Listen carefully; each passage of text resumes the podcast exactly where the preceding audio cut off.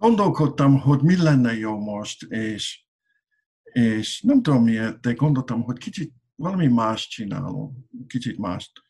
És kiválasztottam Habakuk, kis proféta. Szóval ez a kis könyv nem túl nehéz megérteni, de ez nagyon gondolatébresztő típusú. Szóval, ha megnézzünk az első dián, ó, és azt hallottam, hogy a kantorom ma, ez Rédül Enikő, szóval nagyon örülök, hogy ő fog segíteni engem. De az első dián látunk egy kép, egy hagyományos kép a Habakukról, és azt mondjuk, hogy fenyegető jövendőlést, Habakuk proféta látomása. És, és uh, amikor megnézzünk ezt, akkor ez fenyegető, az első szó. Hmm, ez nem nagyon pozitív, de meglátjuk, hogy miért uh, uh, mondja ezt. Ez egy gondolatébresztő uh, könyv, és van egy alkalmazás nekünk is. Na, három fejezet van benne, és az első két fejezetben Habakuk kérdez két kérdést Istentől. És a kérdése után Isten válaszol. És a harmadik fejezetben Habakuk reagál, hogy mi történik, hogy, hogy hogyan látja a helyzetet, hogyan reagál. És, egy, és amit nagyon szeretem, az, hogy van egy kis kiazmus a szervezetben, a szerkesztésben. És a következő dia megmutatja, hogy van az első kérdés és válasz Istentől, utána van a második kérdés és válasz Istentől, és a harmadik fejezetben amikor Habakuk reagál, akkor ő először reagál a második kérdés, kérdésre, és a végén az első kérdésre. Szóval tetszik nekem ezt a kis kiaszmus forma. És, és most az első kérdésről szól a predikációt, jövő héten a második kérdés. Szóval, mi az első kérdést? Na, Enikő, olvast el az első uh, vers, uh, az első fejezet, a második verstől a negyedik versig. Meddig kell még kiáltanom, Uram? Miért nem hallgatsz meg?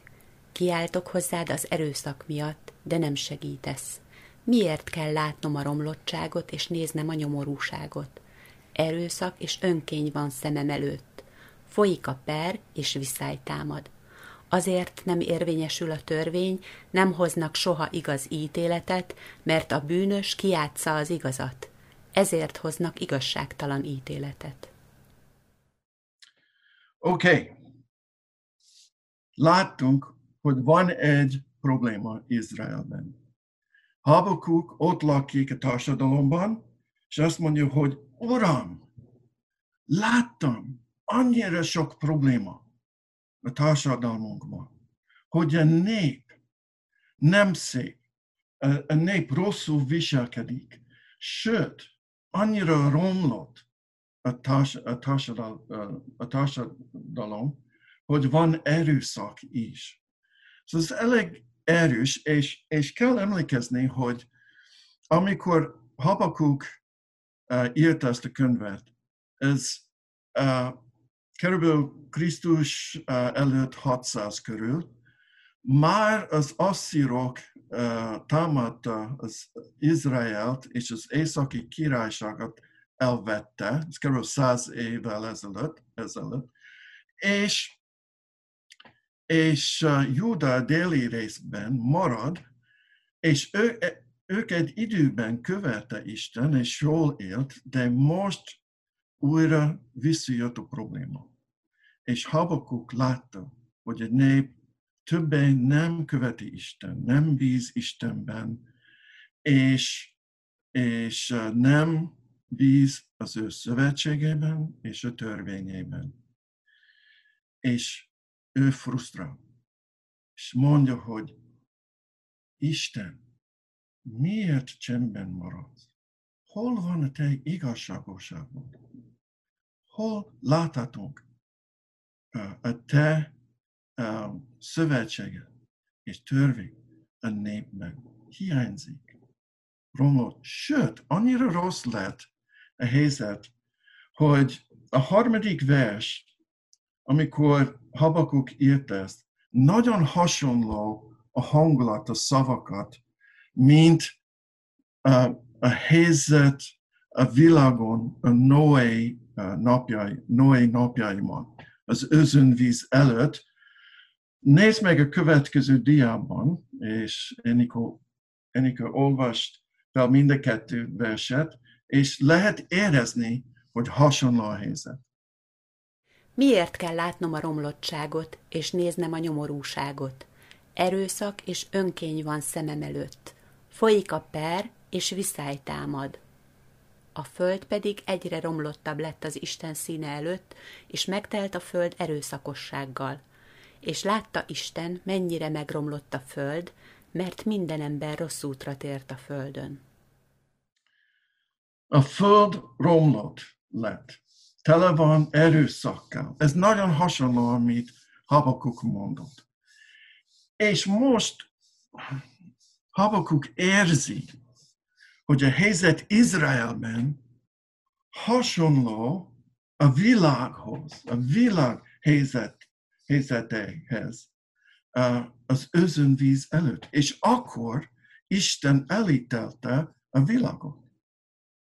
És Habakuk mondja, hogy mi történik most Izraelben? Uram, csinál valamit. Szóval az a kérdés. És végül Isten válaszol. Szóval a következő részben um, olvashatunk az első fejezet 5. verstől 7. versig. Isten megmondja a választ Habakuknak. Szóval Enikő, olvast fel. Nézzétek a népeket, és lássátok. Ámulva csodálkozzatok, mert olyan dolgot viszek véghez napjaitokban, amit nem is hinnétek, ha elbeszélnék. Mert most útnak indítom a káldeusokat, ezt a kegyetlen és szilaj népet. Bejárja a széles földet, birtokba veszi mások hajlékait. Rettenetes, félelmetes ez a nép. Önmaga szabja meg törvényét és méltóságát. Oké, okay. van egy nagyon érdekes válasz. Isten mondja, hogy igen, jön az ítélet. Isten igazságos, és ő fog hozni az ítéletet Izrael felé. Na, a nagy meglepetés az, hogy nem egy özönvízzel, nem egy természet katasztrófával, vagy valahogyan így, de inkább a kaldeósokat elküldi. És ők, a kaldeósok, ez másik név a babiloniaknak.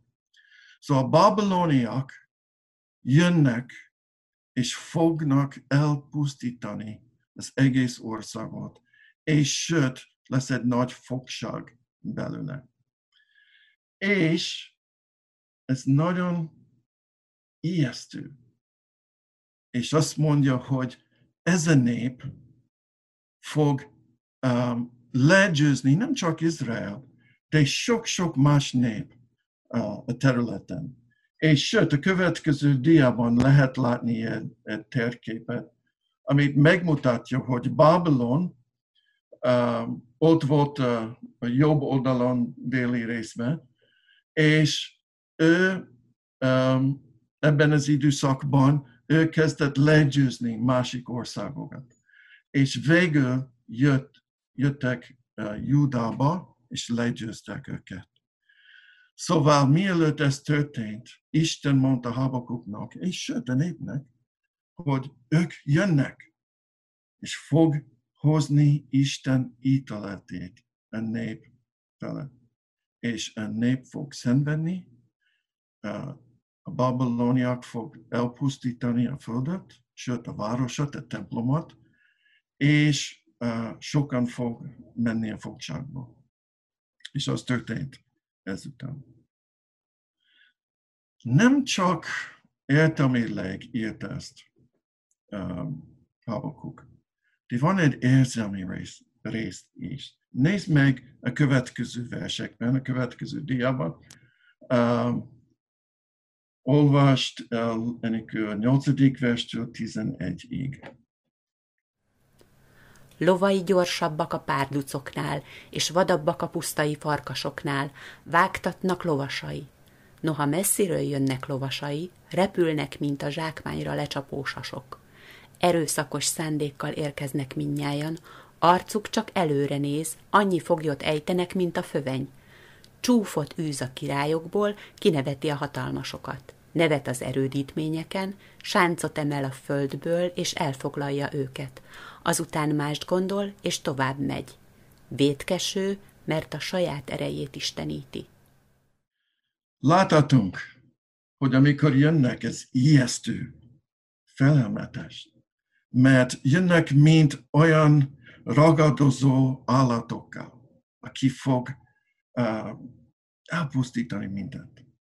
És ez nagyon-nagyon uh, you rossz nép, aki erős, és azt gondolja, nagyon érdekes az utolsó vers, hogy ők gondolják, hogy az ő ereje isteni. Szóval ők annyira büszkék voltak. És sőt, Isten használta őket, hogy általuk Isten hozta az ő íteleit. Szóval ijesztő. Furcsa, hogy oké, okay, Izrael rossz, rossz helyzetben van, romlott az ország, de jön most egy másik ország, aki pogány, és ők fog hozni Isten ítelét. Na, tovább megyünk a könyvnek a végén, és fogunk látni most, hogyan reagált uh, Habakuk, amikor hallott ezt. Szóval a következő dia, a harmadik rész, 16-tól 17-ig uh, kezdődik így. Olvashatunk, hogy hogyan reagált Habakuk. Enikő olvastál. Hallottam, és reszketett a szívem, hangjától megremegtek ajkaim. Fájdalom járja át csontjaimat, reszkető léptekkel járok. Bár csak nyugtom lenne a nyomorúság napján, amely eljön a bennünket fosztogató népre. Mert a fügefák nem fognak virágozni, a szőlőtőkéken nem lesz gyümölcs, hiányozni fog az olajfák termése, a kertek sem teremnek ennivalót. Kivész a juh az akolból, és nem lesz marha az istállókban. Jó, köszönöm. Hogyan reagál? Nagyon félt. Nagyon ijesztő volt neki. Mondta, hogy reszke a szívem, megremeg uh, az olykáim. Fájdalomban járja a csontjaimat. Reszkettő lépeket járok. Ez nagyon-nagyon érzelmi nagyon fél, ez ijesztő dolog. És ő csak, uh, ó, hogy csak nyugalom lenne, de nem lesz nyugalma. Sőt, a 17. vers mondja, hogy milyen lesz a föld? Kiedlen. Nem lesz uh, ennivaló. Nem lesz szép. Ez kicsit hasonló, mint az egész föld volt az özönvíz után. Szóval ez, ez az ítélet elég nagy, elég szörnyű, és Habakuk érzi, és ő fél. Mert ez nem csak a népnek, de, de neki is. Mert ő ott lakik. És amikor a babiloniak jönnek, ő is fog szenvedni. Na, a történelmi szempontból nem tudjunk, hogy mi történt Habakukkal. Lehet, hogy akkor meghalt, amikor jöttek a Babilonia, vagy lehet, hogy menekült, vagy fogságban volt, de lényeg az, hogy ő szenvedett. Ő nem volt bűnös ilyen szempontból, nem, nem miatta jön Isten ítélete, de ő is szenvedte a népével. És nehéz volt neki. De volt egy másik reagálás is, ami nagyon-nagyon érdekes, hogy miközben ő félt, és szenved, és, és akarta, hogy legyen béke. A következő utolsó két vers megmutatja, hogy volt egy másik reagálása is.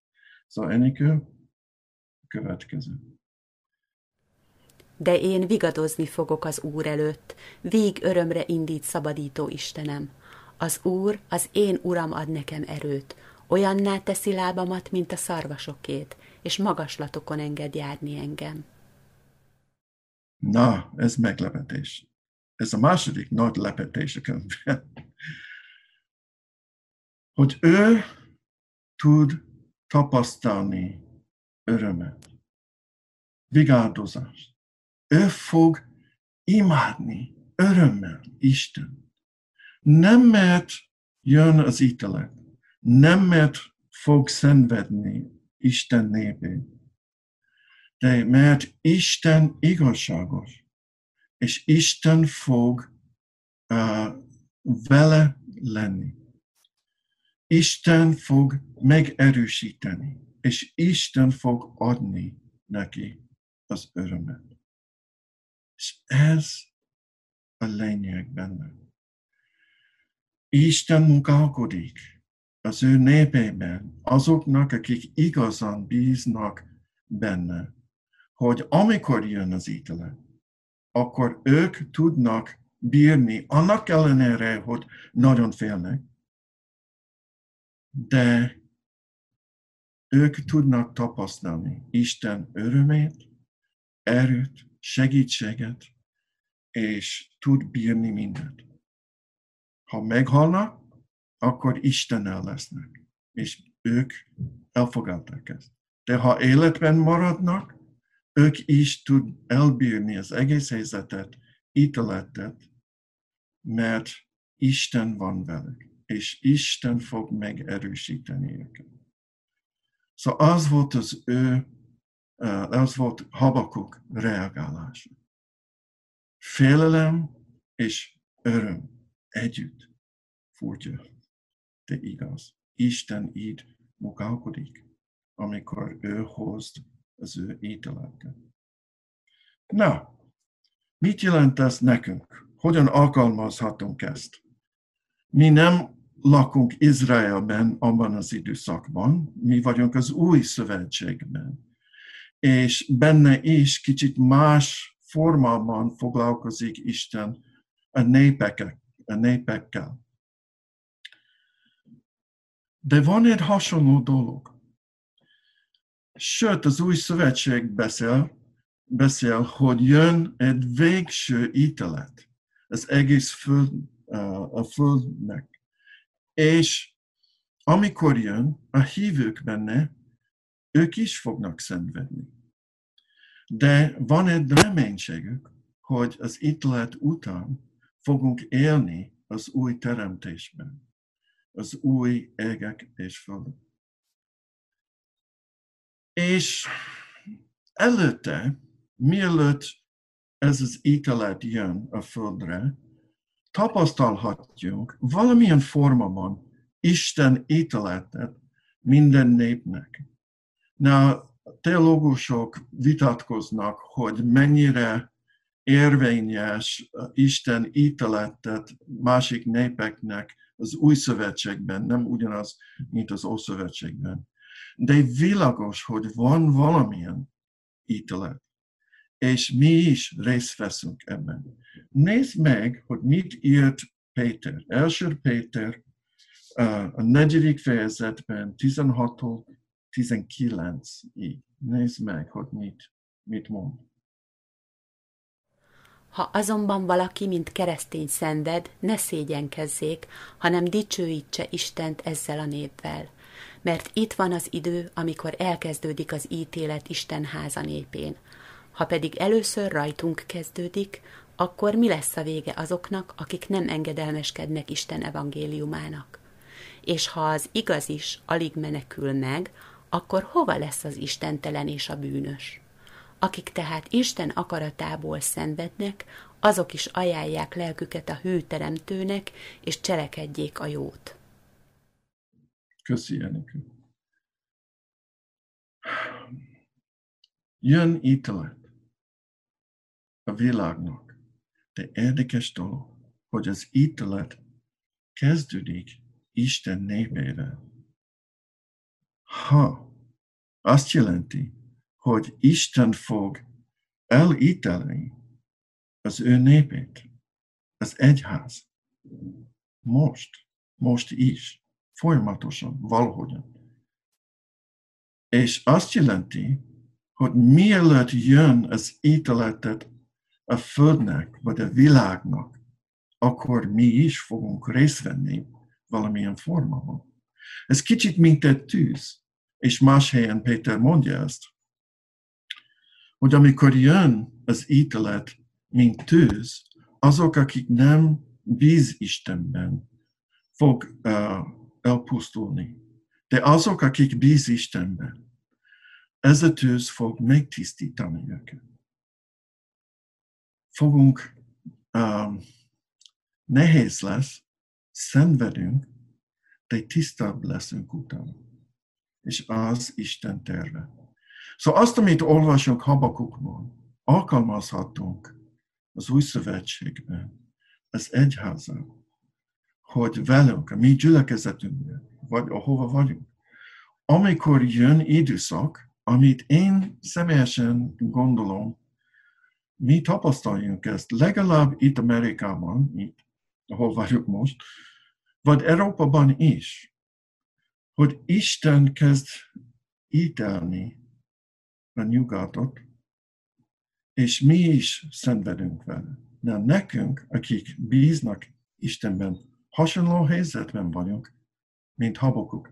Nem teljesen, nem annyira uh, végletes, vagy nem mondom, hogy fogságba menjünk, de van egy hasonló helyzet, hogy amikor van egy járvány, amikor van annyira uh, társadalmi probléma, és szenvedünk miatta, akkor hogyan kell reagálni?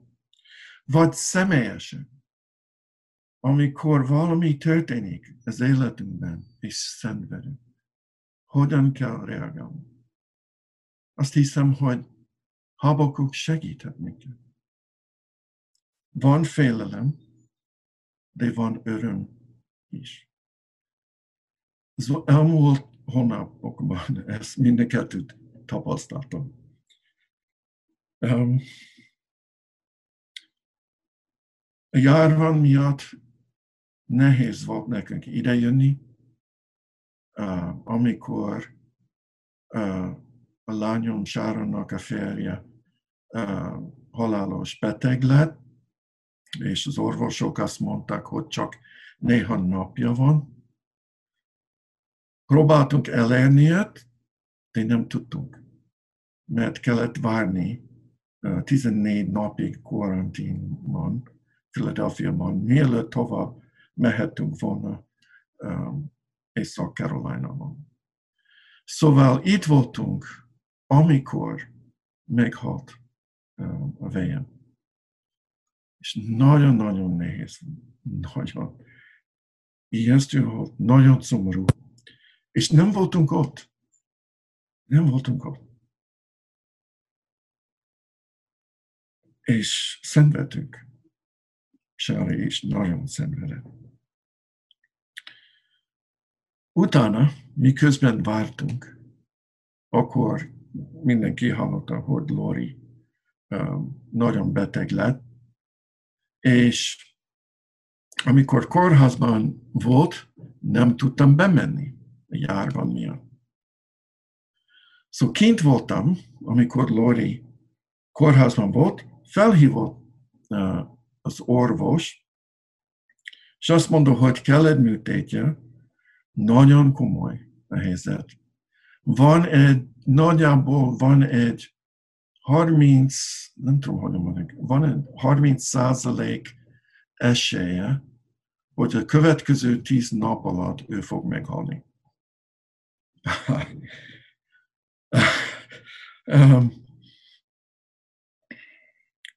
nem tudtam ott lenni. Szóval otthon voltam, csak itt ültem, és persze imádkoztam. Persze, csak könyörgöltem Istennek, hogy Lori, életben maradjon. De tudom, hogy ami történt a lányomnak, az ő férje meghalt. Tudtam, hogy nincs garancia, hogy életben maradjon. Ijesztő volt. Az út, a következő tíz napig volt a legnehezebb az életemben, a félelem szempontból. Mert ő a kórházban volt a műtétje után, a következő tíz napig, nem tudtam bemenni. Csak minden nap telefonon, vagy tudod, interneten látom őt, és nagyon félt mindig, amikor felhívtam őt, féltem, hogy egy orvos válaszoljon, vagy egy ápoló válaszoljon, és azt mondja, hogy meghalt. Vagy féltem minden, mindenkor, amikor szólt a telefon, féltem, hogy az volt az orvos. Nagyon-nagyon nehéz. Nagyon-nagyon nehéz volt. És úgy érzem, hogy um, valamilyen formában mi vagyunk az ítélet alatt. Sokan szenvednek, sokan meghalnak. Sok probléma, különlegesen itt Amerikában sok társadalmi probléma van és nem jó irányban megy az ország, és én csak érzem, Isten ítélete alatt van. Én itt vagyok, és emiatt én is szenvedek ezzel.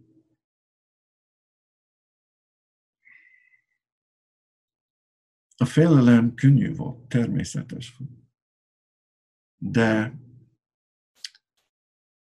amikor imádkoztam, amikor kezd, az első dolog, amit csináltam, miután hallottam a híret, imádkoztam sokat, sírtam sokat,